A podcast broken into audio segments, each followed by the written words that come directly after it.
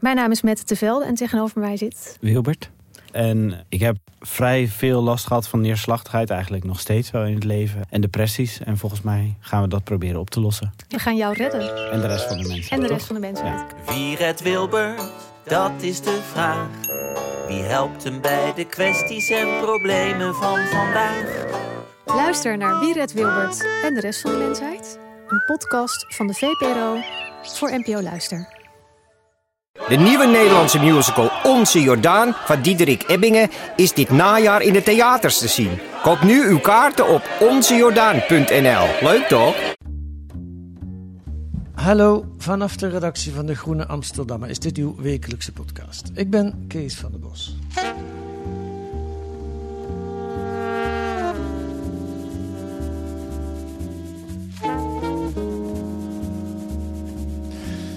Vandaag een heel bijzonder verhaal in de podcast. Over de Belastingdienst. Ja, alweer over de Belastingdienst. En dit verhaal zingt ook al jaren rond in de media. Maar dan op een andere manier, dat gaat u allemaal horen. Het gaat over malafide belastingadviseurs. Een voorbeeld. In 2017 ging Alberto Stegeman van Undercover van SBS6 achter zo'n malafide belastingadviseur aan. Tom van E. Eh, en hij maakte er dit item over. En nu door met het verhaal over de malafide belastingconsulent Tom van E. Elk jaar moet iedereen zijn belastingaangifte invullen. Of je nou wilt of niet. En veel mensen nemen een belastingconsulent in de arm die de formulieren voor hen invult. Je zou blind op zo'n professional moeten kunnen vertrouwen. Maar belastingconsulent Tom van E maakt er een potje van. De afgelopen periode zijn meerdere belastingconsulenten door het hele land opgepakt wegens grootschalige miljoenenfraude. Een van hen is Tom van E, een belastingconsulent uit Alkmaar. Tom van E deed ook jarenlang de belastingaangifte van Penny Dekker. Hij heeft haar aangiftes zo verknoeid dat haar een schuld boven het hoofd hangt van tienduizenden euro's. Zij staat op de rand van de financiële afgrond. Ik leef naar mijn eigen principes. En dat betekent gewoon meer verdienen dan eh 20.000 euro bruto op papier is zinloos. Dus ik lig gewoon vier maanden per jaar strand in Brazilië. Echt waar? Ja, serieus. Ik, doe, ik werk twee maanden, één maand stopt het. Weet je, ik ben getrouwd met een Braziliaanse. En wat daar gebeurt, dat weet niemand. Oké. Ik woon ook in Brazilië. Gewoon in twee landen. En dat weet ook niemand. Nou, Tom van E houdt in elk geval van grootspraak, zou je kunnen zeggen. Want het laatste stukje wat hij hoorde was hem zelf met een verborgen microfoon en camera opgenomen. Verder waren de, de aanklachten of de, de klachten over hem een beetje vaag, maar daar komen we zo op. Ehm, Undercover doet het met Van Dikhout, Zaag met planken, maar ze waren niet de enige. Er was bij Kassa vorig jaar nog een item met als trekking een arme mevrouw opgelicht door haar belastingadviseur. En in 2016 berichtte de rubriek 1 Vandaag erover. De Belastingdienst heeft zo'n 100 malafide belastingadviseurs in beeld. Ze sjoemelen met de aangifte door bijvoorbeeld onterecht zorgkosten te declareren of niet bestaande schenkingen op te voeren. Gedupeerde klanten komen daardoor in grote problemen. Ze worden door de Belastingdienst geconfronteerd met enorme naheffingen en boetes. Mirjam moet 12.000 euro terugbetalen. Haar zoon heeft ADHD en het blijkt dat de belastingadviseur zorgkosten heeft opgevoerd die helemaal niet opgevoerd mochten worden. Het levert veel stress op, waar het gezin onder lijdt. Je moet continu nee tegen je kinderen zeggen van ik kan dat niet betalen, ik heb het niet, ik, eh, het gaat gewoon even niet nu. Dus eh, nee, Vakantie? niet. Al jaren niet. Het beeld is duidelijk. Sjoemelende belastingadviseurs eh, die door de belasting op de hielen worden gezeten. En zo staat het ook in de persberichten die in de loop van de jaren door de Belastingdienst zelf zijn vrijgegeven. Tot vijf weken geleden. Toen had één vandaag over hetzelfde onderwerp ineens een heel andere uitzending. Wat opvalt in ons onderzoek? Het fraudeteam joeg niet op het grote geld of fiscale vluchtroutes, maar op kinderopvang, kwetsbare migranten en zieken, zoals Erna Dokter. In 2014 hebben ze haar eh, beide nieren verwijderd. En toen heb ik na twee weken heb ik haar hier in huis genomen. Een adviseur, Henny Reuver, trekt voor hen de kosten van de mantelzorg af. Dat is volgens de regels. Maar toch krijgt Jackie een forse navordering. Ja, dan krijg je gewoon dat je terug moet betalen. Dat ze alles na gaan checken. En dan moet je gewoon terugbetalen. In plaats van uitzoeken of er inderdaad fraude was gepleegd, leken de inspecteurs vooral verwarring en angst te willen zaaien. Zo merkt Ahmed Abdi. Nou, het wordt ook aangebeld natuurlijk. En heb ik eh, de deur open gedaan. En, en hij had uh, stapel papieren bij zich. Toen zegt hij, uh, al je banken zijn op, op beslag gelegd. Uh, dit is het document en ik wil dat je ondertekent. Abdi probeert bezwaar te maken, maar merkt dat bewijsstukken en bonnen bij de Belastingdienst zoek raken of worden afgekeurd. Tot overmaat van ramp kan hij niet bij zijn in beslag genomen geld. Als je al je geld op de rekening staan, uh, rekeningen, dus zo geen, geen één rekening, maar rekeningen staan.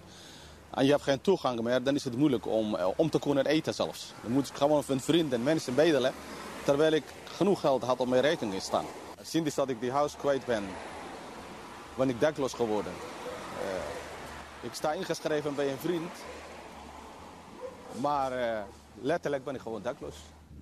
Abdi mag met zijn strafblad niet meer tolken en het spaargeld voor zijn oude dag, waarover al belasting was betaald, is afgepakt. En ik heb alles kwijtgeraakt. Alles. Hele leven gewoon. En daarmee is die frauderende belastingadviseur ineens een slachtoffer geworden van de veel te hard en onterecht jagende Belastingdienst. Hoe kan een verhaal zo kantelen? Dat komt door uitzoekwerk van Marco de Vries, samen met Eén Vandaag. En deze week staat zijn verhaal in De Groene en nu zit hij hier in de podcast. Welkom Marco. Dankjewel. Ja, wat een ongelooflijk verhaal. Ja, dat vond ik ook. Dat vond ik ook. Er is natuurlijk wel meer uh, gebeurd de afgelopen jaren.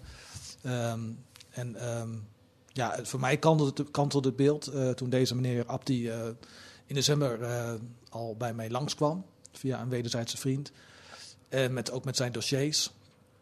En ja, ik, want zo is het gegaan. Laat zo is het gekomen, ja. ja. Want, want hoe, je, je, jij bent net als andere journalisten in eerste instantie uh, geloof je of ga je uit van het beeld wat door de Belastingdienst en door aan het programma's en kranten ook geschetst wordt. Ja. En dan kom jij in contact met Ahmed Abdi. Ja. De man die we ook net even hoorden in het fragment bij één vandaag. Uh, en je kende hem al of niet? Ik kende hem niet. Uh, ik, uh, we hadden een wederzijdse vriend en die zei van nou wil je eens praten met deze meneer Abdi, want die heeft ook een probleem met de Belastingdienst. Het was toen net na de presentatie van het rapport van de, de parlementaire ondervragingscommissie over de toeslagenaffaire. En hij zei van ja, ik heb ook iets meegemaakt. En toen vertelde hij eigenlijk wat hij hier dus ook in de uitzending van één Vandaag vertelt. Van, nou, dat ja. hij eigenlijk alles is kwijtgeraakt. En eigenlijk niet zelf kon verklaren hoe dat was gekomen. En wat dacht jij toen je hem hoorde praten? Ja, ik dacht natuurlijk van nou, dit is heel schrijnend. En ik heb een goede indruk van deze man. Ik, ik, ik, het, is, het lijkt mij geen fraudeur. Je geloofde hem meteen? Um, ja, nou ja, in ieder geval wel van uh, dit is te hard gegaan. Dit, dit is, misschien heeft meneer een, ja, wat foutjes gemaakt. Maar dat je, want uiteindelijk heeft hij, had heel erg veel gespaard. Echt een pensioenpot met meer dan 220.000 euro erin. Wat gewoon wit geld was. En dat heeft hij uiteindelijk helemaal uh, moeten prijsgeven. Nou ja, dan moet ik zeggen, daar moet ik zelf niet aan denken. Nee. Ik, heb, ik heb helaas niet zoveel geld. Maar als ik het had, zou ik het natuurlijk ook graag dan wel uh, ook, uh, van willen genieten. En ja. Niet. Uh, Oké, okay, dus je, gelo je gelooft zo'n man, maar dan komt je werk als journalist. Ja. Dan moet je ook. dan moet hij bewijzen dat zijn verhaal klopt. Want in eerste instantie heeft hij natuurlijk alle schijn tegen. De Belastingdienst pakt hem hard Ja. aan. Hij is zelfs door een rechter veroordeeld. Ja. Dus waarom zou je hem geloven? Um, ja, dan ga je dus echt uitzoeken. En, uh, um, voor hoe, mij, heb, hoe heb je dat gedaan? Nou, ik ben begonnen met, met kijken. Hij had natuurlijk uh, twee uh, grote weekendtassen vol met mappen, zeg maar, met ook belastingaanslagen. nou, dat dacht ik van ja, ik ga natuurlijk niet zo'n hele boekhouding van 20 jaar doorpluizen. Dat, daar ben ik ook niet voor opgeleid. Um, uh, ik heb toen het vonnis opgevraagd, uh, want hij is strafrechtelijk ook veroordeeld uh, wegens belastingfraude. Ja. Um, en um, ja, toen dacht ik al van hé, hey, maar dit vonnis is wel een beetje raar gemotiveerd. Hoezo? want je denkt eigenlijk goed, iemand doet aangifte, je kunt controleren aan de hand van bewijsstukken in hoeverre het klopt. Ja, zo moeilijk is het niet. Zo moeilijk is het niet. Het nee. is allemaal on the record, zeg maar. Ja. Het is allemaal te traceren. Ja. Alleen de strafrechter uh, die had eigenlijk hem verklaar, veroordeeld op basis van getuigenverklaringen van cliënten, van zijn cliënten. Want hij was, moet ik erbij zeggen, hij, deed, hij was dus een soort belastingadviseur. Hij zag zichzelf misschien niet zo, maar hij deed voor zijn gemeenschap van Somalische vluchtelingen deed hij wel eens wat aangiftes. Ja. Eh, die mensen konden zelf misschien niet lezen of schrijven. Ja. Dus die gingen naar hem toe, omdat hij hoger opgeleid was, Ja. om, om eh, voor hulp. Voor alle duidelijkheid, hij was tolk of vertaler bij de rechtbank, bij de IND. Ja. Hij had zelf zijn eigen boekhouding, werd gedaan door een eh, Nederlandse middel- boekhouder. Ja. Nederlandse boekhouder Ja. in Den Bosch. Ja. Die heb je ook gesproken. heb ik ook gesproken, inderdaad. met zijn boekhouding zegt die man niks mis. Ehm, dit is best wel een respectabel iemand. Van, eh, zelf een vluchteling opgeklommen in Nederland. En Ja. die helpt zijn landgenoten die ook gevlucht zijn. Ja. Tot nog toe niks aan de hand. Tot op, nee, en, en daar was het dus wel uiteindelijk eh, mee begonnen, de ellende. Op een gegeven moment. ehm, Waarmee was de ellende? nou, met, met die aangiftes voor andere mensen die dit deed, voor andere vluchtelingen. En waarom was, wat, wat kan daarmee beginnen? Was dat fout dan? Ehm, nou, de, de Belastingdienst, eh, of de computers van de Belastingdienst, die hebben op een gegeven moment ja, eh, eh, zeg maar een soort profiel gemaakt. Hè, van hey, dit, eh, we zien hier bepaalde aangiftes die allemaal bepaalde overeenkomsten hebben. Bijvoorbeeld ja, alimentatie aan kinderen in het buitenland. Hè. Ja. Dat is anders dan gemiddeld, dat, is, dat wijkt af. En we zien ook dat, hè, de computer ziet dan dat die aangiftes eh, terug te leiden zijn op één IP-adres, dus één computer. Ja, nou, dat moeten we misschien ook even Ja. uitleggen. De Belastingdienst, we kennen allemaal de toeslagenaffaire. En daarin zat het CAF, het Combi-team aanpak Ja. Eh, inmiddels opgeheven, Ja. omdat dat eh, in de toeslagenaffaire gebleken is dat team veel te hard van stapel is gelopen en dingen heeft gedaan die eigenlijk helemaal niet mogen en niet kunnen. Ja. Maar datzelfde team dat werkt met algoritmes om te kijken, om verdachte aangiftes op te sporen. En een van de verdachte, die de, een van de verdachte dingen die zijn algoritme ziet zijn hoge zorgkosten, Ja. eh, alimentatie aan kinderen in het buitenland, noem maar op. En zo kwamen ze bij klanten van meneer Abdi terecht. Tot nog toe ook nog steeds niks aan de hand, want dat kan nog allemaal kloppen. Ja, dus, en toen hebben ze inderdaad een aantal van die klanten die dus eigenlijk geen Nederlands spreken thuis bezocht in eerste instantie. In oktober 2013 hebben ze dat gedaan. Het is ook echt een van hun eerste zaken geweest, want zij zijn dat KAF dus opgericht eh, in eh, september, oktober 2013. Ja. eh, naar aanleiding van de Bulgarenfraude hè, Ja. eerder dat jaar. Ja. Dus hij was echt als eerste zo'n beetje aan de beurt. Ja, Eh, maar wacht even, dan gaan er twee rechercheurs aanbellen Ja. bij klanten van meneer Abdi. Ja. Somalische mensen, Ja. die weten van niks. Die doen de deur open, daar staan twee politieagenten voor de deur. Zo komt dat op hun over. En dan? Die laten een foto zien van Abdi, want die hadden ze dan uit het, eh, uit het systeem gehaald. En zeggen, eh, ze zeiden van, ja, heeft deze meneer uw aangifte ingevuld? Ehm, nou, die mensen zeiden inderdaad, dat klopt. Ehm, en er was dan nog een soort enquête, een paar vragen. Hè, maar het was eigenlijk vooral om, om te bevestigen dat hij, meneer Abdi, eh Ahmed Abdi, eh, die aangifte had ingevuld. Ja. Nou, dat Mag ook. Niks dat mag, dat niks mogen ze vragen. Dat mogen Ja. vragen. Die mensen moesten ook nog een, een soort krabbel zetten onder hun verklaring. Er werd ook wel gevraagd van, hebt u zorgkosten gehad? Of hebt u eh, inderdaad kinderen in het buitenland? Nou, daar, daar werd wat wisselend op geantwoord. Hè. Eh, ehm, mensen hadden vaak wel zorgkosten en hadden sommigen wel, sommigen niet eh, kinderen in het buitenland. Ehm, maar goed, het was, eh, ze spraken natuurlijk ook geen Nederlands, dus het was, eh, het wa- het was niet een, een, een echte verklaring die eruit Nee. kwam. Maar wacht even, spoorden die... Dat zijn de rechercheurs van de FIOD, denk ik, hè? De fiscale inlichting. Of ik denk dat toen nog belastinginspecteurs waren. Oké. Gewoon van de gewone eh, buitendienst, om het zo maar te zeggen. Ja, en spoorden die in die bezoeken aan de klanten van Ahmed Abdi dingen op die frauduleus waren, die niet kunnen, die niet klopten? Ehm, nee, eigenlijk was het eh, het eerste doel van, nou, eh, klopt het dat deze man daarachter zit? Dus dat hij eh, belastingaangiftes doet. Heeft hij daar misschien zelf ook iets aan verdiend? Hè? Dus ze vroegen dan, wat hebt u betaald aan deze adviseur? Dan zeiden die mensen echt naar waarheid, ja, ik heb 5 euro betaald of 3 euro. Nee, nee, u hebt 100 euro betaald. En gemiddeld staat daar zeker 40, 50 euro voor. Dus zo werd mensen echt wel iets in de, in de zeg maar, eh, aangepraat. Eh, Hoe, hoe weet je dat, dat het zo dat, omdat omdat eh, die mevrouw dat heeft gezegd, die, die een van die mensen die dus thuisbezoek heeft gehad. Ja. Dus zelf verklaart van ja, ik moest eigenlijk verklaren dat ik 100 euro zou hebben betaald. Hm. Ehm, en dat staat dan ook uiteindelijk in het dossier. Dat, dat zij dus meer heeft betaald dan ze feitelijk heeft betaald. Klopt niet, volgens meneer Abdi en volgens die mevrouw. Maar op zich is dat ook geen... Is op zich geen halszaak natuurlijk. Nee, want je hè. mag Eh, 100 euro of tuurlijk, 3 euro, het maakt tuurlijk, niet uit Dat maakt op zich niet zoveel uit. Ehm, dus eigenlijk was er toen nog geen zaak. eh, maar het KAF had wel, blijkt ook uit hun ehm, weekverslagen uit die tijd. Want ze hadden ook een soort intern eh, weekverslag, wat later is openbaar gemaakt. Hadden ze wel het gevoel van ja, dit klopt gewoon niet. En dat was ook wel voor omdat ze gewoon wel ehm, konden zien wat er op zijn, de rekening van meneer Abdi zelf stond. Hè? Want dat Ja. kunnen ze natuurlijk ook opvragen bij de bank. Ja. Daar stond een heel, veel- heel veel geld op. Hè? Ja. Zijn spaargeld. Ah, dat is Eh, verdacht. dat is verdacht. Hè, ze zagen waarschijnlijk toch een soort Bulgarenfraude van iemand die kennelijk om- een maniertje had gevonden om heel veel geld ehm, ja, via zijn cliënten op te vragen. En hoe dan precies, ja, dat, wist, dat, dat wisten ze nog niet. Maar ze hebben toen wel eigenlijk eh, direct beslag gelegd op zijn geld Ja, en dat- op zijn huis. Dat lees ik in je stuk Ja. en dan denk ik, dat kan toch niet? Je moet toch wel, voordat je beslag legt, moet je een bewijs hebben dat, dat, er- dat er iets niet deugt. Want die meneer Abdi had dat geld, heeft hij achteraf ook uit kunnen leggen, gewoon verdiend als tolk. Ja. Dat wisten ze niet eens bij de Dat wisten ze op dat moment nog helemaal niet. Nee. Eh, ze hadden zoiets van, nou, misschien doet hij wel, zit hij wel in de drugshandel. Of eh, misschien heeft hij een soort afspraakje met zijn cliënten. Dat hij bijvoorbeeld 5000 euro eh, terug weet te, te, te- vragen. En dan de helft in zijn eigen zak mag steken. hè. Dit verzin je niet. Dat, Dat staat zwart, zwart op wit. staat Ja, zwart op wit, staat ja. in- in de achtergrond Ook die drugshandel. Hè, Ja. eh, de kat was natuurlijk... eh, iedereen weet wel dat Somaliërs eh, handelen. En ehm, ja, dat, dat, hè, dus dan wordt er gezegd van ja, er wordt gefluisterd. Of in de wandelgangen. Maar dan legt dus zo'n belastingdienst beslag op, jou, op zijn rekening. Van, laten we zeggen twee ton. Dan weet ik hoeveel er toen op stond. Maar dat kan toch niet zomaar?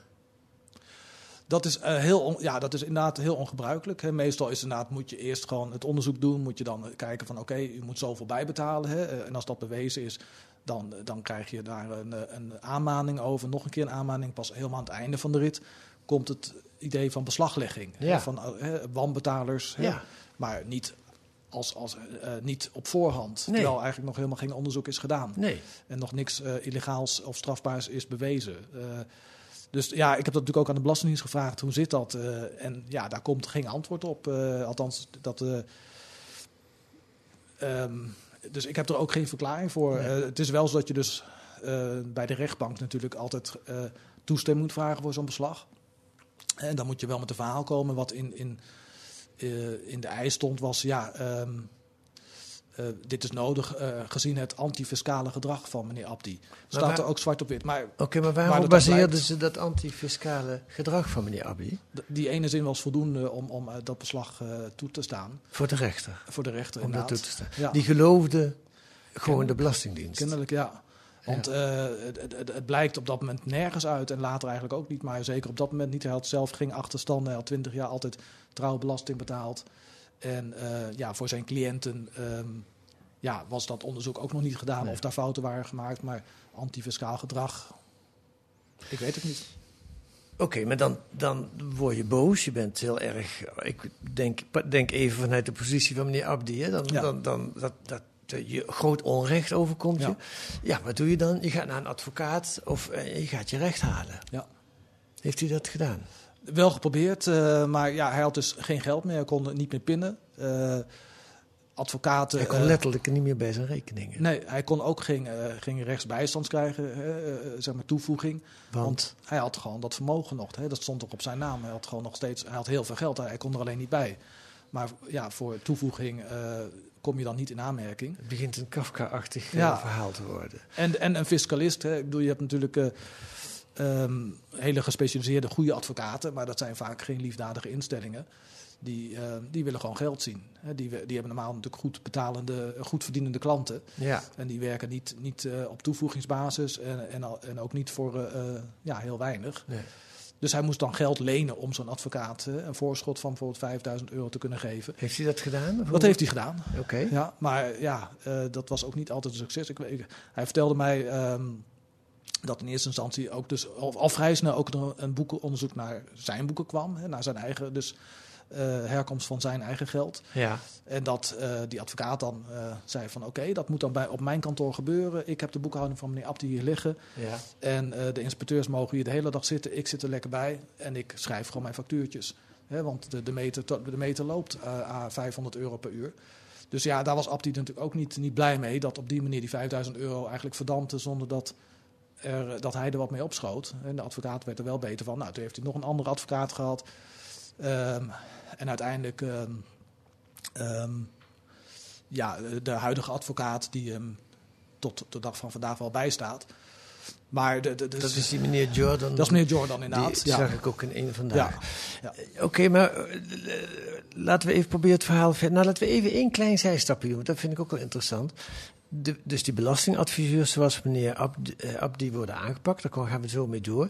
Maar ook zijn klanten, of de klanten ook van die andere eh, eh, belastingadviseurs. Ja. En dat zijn allemaal geen rijke lui. Dat zijn gewone mensen die juist bij zo iemand als meneer Abdi komen, omdat die zo weinig geld vragen voor doen.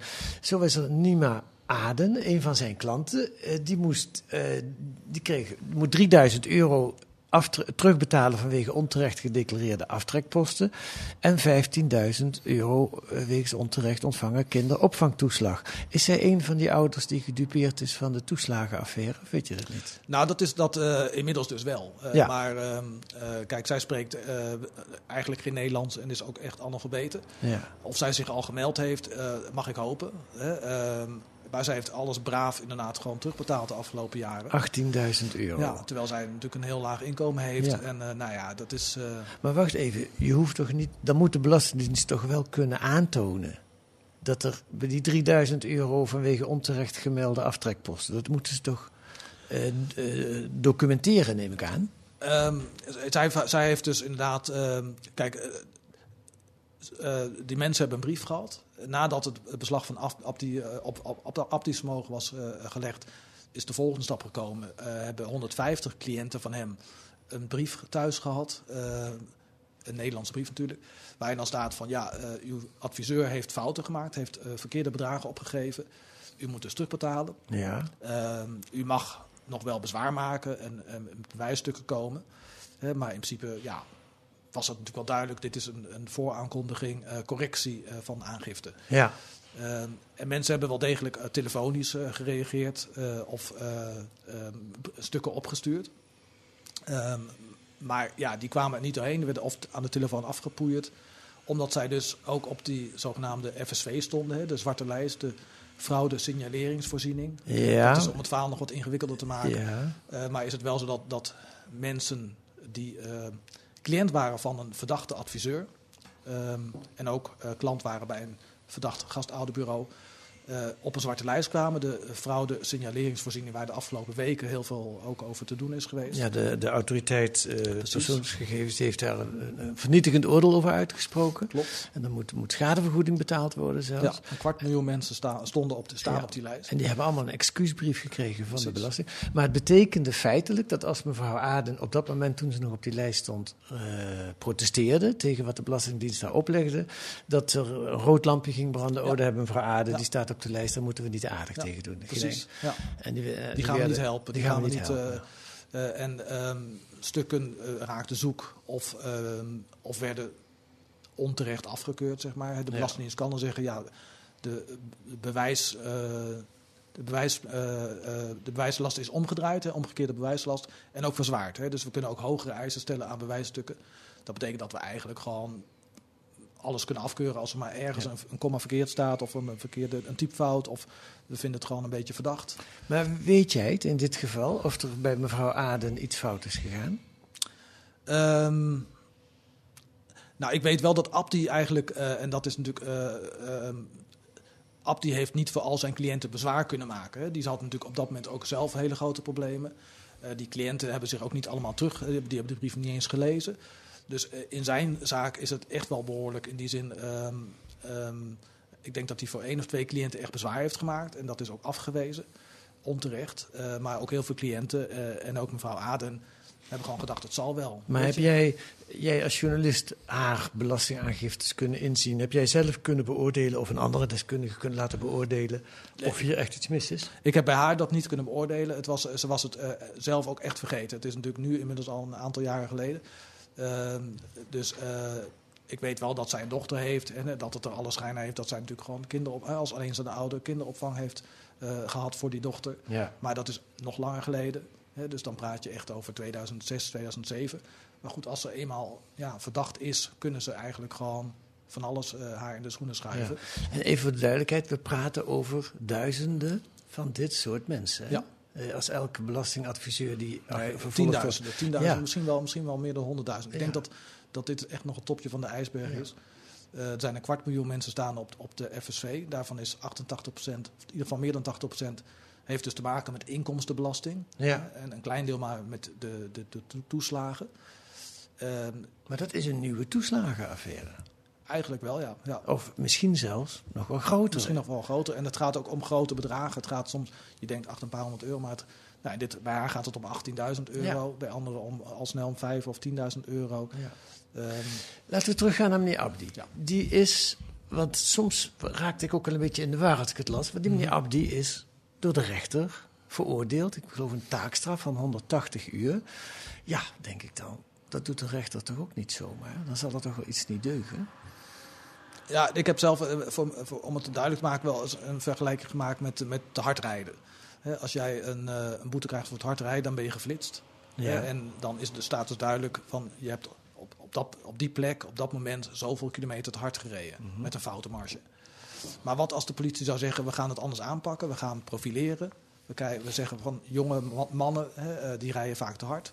Zeker als ze ook nog snelle auto's hebben. Kunnen we allemaal nagaan. Hè? Dus eh, een jonge man van 20 in een rode sportauto. Nou, die is verdacht. En wat gaan we doen? We gaan eh, bij de buren vragen: rijdt die eh, jongen wel eens te hard door de straat? En we vragen 100 buren. En vijf ervan zeggen: inderdaad, dat vind ik ook. En ik maak me zorgen, ik erg me eraan. En eh, oh, je zegt dat hij het vaker doet? Nou, het verbaast me niks. Als je dan vijf van dat soort mensen hebt die een verklaring afleggen, dan kun je op basis daarvan, zou je theoretisch die jongen kunnen veroordelen.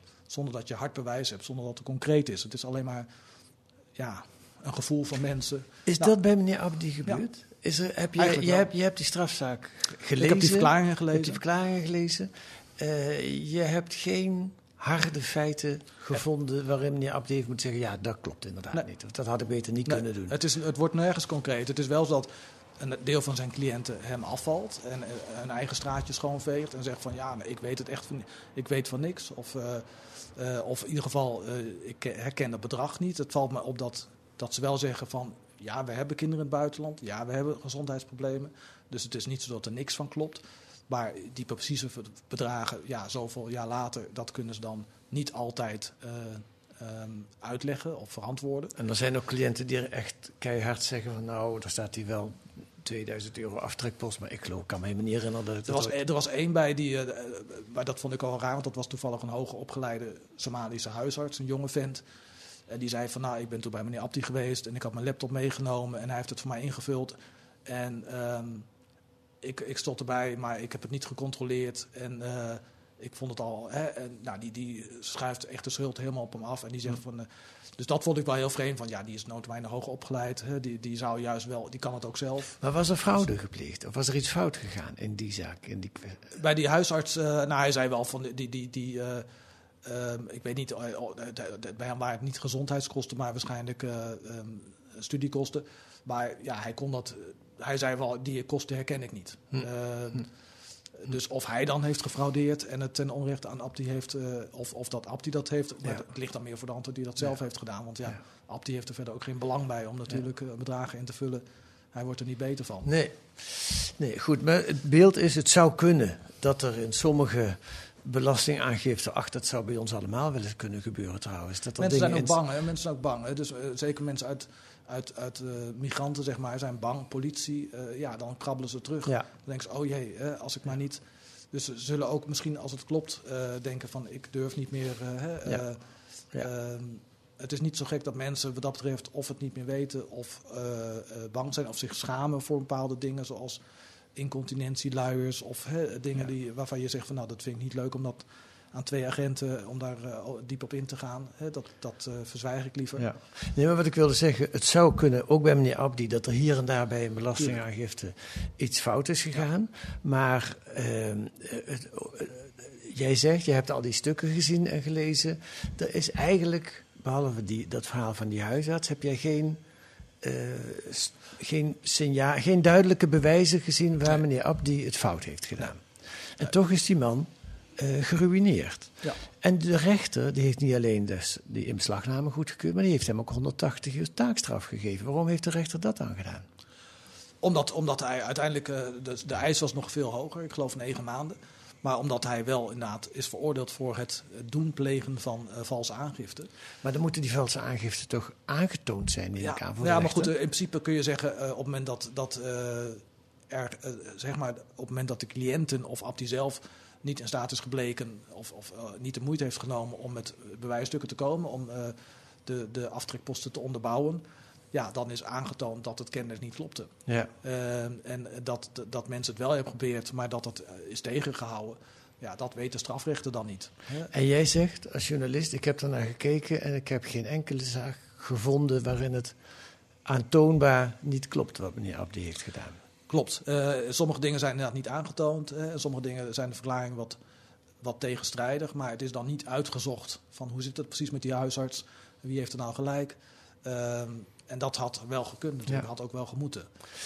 We hebben het nu de hele tijd over meneer Abdi, maar er zijn dus 200 het, ja. hè, meneer Ja. Abdi's. Je hebt ook meneer Ja. eh, Reu, Henny. Reuven, je hebt Jan Klaver eh, van een werkcollectief in Hoorn, die overigens wel veel meer in beroep is gegaan en nu ook de ene beroepszaak naar de andere wint. Dat geldt voor Reuver ook trouwens. Hè. Dus de, de wat meer professionele eh adviseurs, zeg maar, die, eh, ja, gaan wel in beroep en die gaan wel, maken er wel een punt van. Ja, En dan zie maar, dat maar het beeld is nog steeds, ook de staatssecretaris heeft dat onlangs in een brief aan de Tweede Kamer gezegd, malafide belastingadviseurs, die moeten we hard aanpakken. Ja. Daar gaan we mee door. Ja. Maar dan, dan, dat betekent dat jij ook door moet gaan. In de zin van, dit is niet... Dit is het begin van een hele lange serie artikelen, zou ik zeggen. Ik, ik wil zeker nog wel doorgaan. eh, ehm, en ehm, ja, ik vrees inderdaad dat je met één verhaal eh, of twee verhalen in één vandaag in de Groene Amsterdam en dan nu ja, eh, dat je er nog niet bent. En, Hoe en ging het- dat bij één Vandaag trouwens? De, ben, jij bent met dit verhaal toen je het af had naar één Vandaag gegaan... of hebben ze samen met jou dat onderzoek gedaan? Nee, ik, heb, ik ben met, toen ik het af had naar hun toegestapt. Eigenlijk was het ook een tip, als ik dat mag zeggen, van, van, de, van de Groene Amsterdammer. Ja. Die zeiden van, nou, we werken wel samen met één vandaag. En eh, toen dacht ik van, nou, leuk, want ik heb daar in het verleden zelf eh, veel voor gedaan. En, eh, Ja. en ze waren ook zeker gelijk geïnteresseerd. En ze hebben jouw verhaal ook eh, gecheckt, neem ik aan, wat jij uitgezocht hebt. En ze zijn erin meegegaan. Ze, dat, blijkt uit het fragment wat hebben Nou, de Belastingdienst heeft het ook allemaal gelezen. Dat is misschien wel leuk om te zeggen. Want ik heb natuurlijk ook, ook eh, op verzoek natuurlijk van, eh, van de, de Groene Amsterdammer... het verhaal voorgelegd aan de Belastingdienst een paar keer. En ehm, toen kreeg ik dus ehm, het terug van de voorlichter met eh, 25 fouten en feitelijke onjuistheden in de, in de marge. Met een soort rotpot- potlood, potlood was hij er doorheen gegaan. Nou, daar schrik je natuurlijk wel van. Ehm, maar als je dan al die fouten kijkt, eh, eigenlijk stuk voor stuk eh, waren het helemaal geen feitelijke onjuistheden. Eh, Er zat eigenlijk helemaal geen feitelijke onjuistheid in. Het waren allemaal dingen die zij gewoon anders zien. hè, Je hebt niks hoeven, te, niks hoeven te veranderen Nee. na het weerwoord van Nee. de Belastingdienst. En de Belastingdienst zegt op het eind in een soort eh, verklaring die in de groene staat van dat ze, dat ze nog steeds bij hun aanpak blijven. Daar komt het Ja. op neer. Het zijn malafide belastingadviseurs. Ze maken een groot onderscheid tussen die, die toeslagenouders, waar ze nu toch wel voor moeten toegeven van, nou ja, dat, dat is fout gegaan. En, en deze mensen, eh, waarvan ze dan eigenlijk zeggen dat hebben we wel goed gedaan. En ze verschuilen zich natuurlijk ook achter de strafrechter. eh, zo van, Ja. ja. die heeft het toch ook goed gevonden. Dus ehm, Ga je dit alleen verder oppakken, Marco? Of ga je, heb je al over gedacht of je gaat samenwerken? Je zou ook met die journalisten kunnen samenwerken die de toeslagenaffaire hebben blootgelegd, bijvoorbeeld. Jan Ehm, Klein Nijhuis ja, van Trouw, Pieter. Klein van RTL. Ja. Eh, want in feite, eh, dit is nog maar het begin van... Je, je- toont aan dat er een hoop niet deugt, maar het moet allemaal nog... Het kan, kan nog veel verder gaan. Ik denk wel dat ik bedoel, ik denk dat de, de journalistiek eh, en, en ook natuurlijk hoop ik. Ik hoop dat het niet wegzakt, zeg maar. Omdat er natuurlijk zoveel gedoe is al geweest. Hè, en, en dat er op een gegeven moment een soort moeheid ontstaat bij eh, het publiek van weer een verhaal. Ja. Ehm, maar goed, ik weet dat. Nou, ze- in dit geval ben ik daar niet zo bang voor. Nee, oké. Nou goed, ik denk dat de, eh, natuurlijk samenwerken. Ik zal dat ik vind een goed, goede suggestie. Ehm, en sowieso eh, denk ik dat eh, natuurlijk heel veel redacties hier wel mee bezig zijn. En eh, ik heb natuurlijk ook veel materiaal gebruikt en veel kennis van, nou ja, van Trouw en RTL Nieuws. Ja. Correspondent. hè, dus, dus in die zin ja, zie ik dit als een puzzelstukje zeg maar, in, de, in de grote puzzel die nog lang niet af is. Heb je al Kamerleden benaderd? Ja, ja, ja, ik heb, nou ja, die zitten hier ook in het stuk. Leiden en, en Omzicht hebben gereageerd. En pakken Eh, die het op? Gaan die ermee aan de Ehm, slag? Die, die, ja, die gaan er zeker mee aan de slag. Ehm, alleen Leiden zegt bijvoorbeeld, ik ben daar nog, met haar ook nog wel bezig hoor, met een, een, een vervolg. Maar zij zegt wel van ja, uh, ik heb altijd gezegd eerst de toeslagenouders uh, en dan komt die inkomstenbelasting absoluut er nog wel achteraan. Hmm. Uh, alleen ja, de toeslagenaffaire is nog lang niet af. Hè. Dat gaat allemaal veel te langzaam. Dus deze mensen kunnen natuurlijk niet al te lang wachten. Dus ik hoop wel dat het eigenlijk mee kan worden genomen en dat er eigenlijk een soort één soort regeling komt of een parlementaire enquête waarin dit ook mee kan worden onderzocht. Ja. Dat zou het mooiste zijn. Ja. Ik, uh, ik, ik ben benieuwd en ik hoop het en we blijven het volgen. Dankjewel voor dit gesprek, Marco de Vries.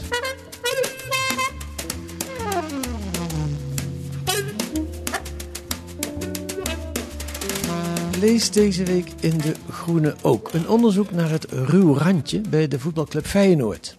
Dat blijkt een beetje een verhullende term te zijn voor een gewelddadige kleine groep supporters die de club terroriseert en aanslagen pleegt op bijvoorbeeld de sportschool van de voorzitter van de LHBTI supportersvereniging, de Roze Kameraden. Nou, dat en een reportage uit het Radboud UMC uit Nijmegen, dat op het randje van code zwart balanceert en moet opschalen om alle COVID-patiënten een plek te geven.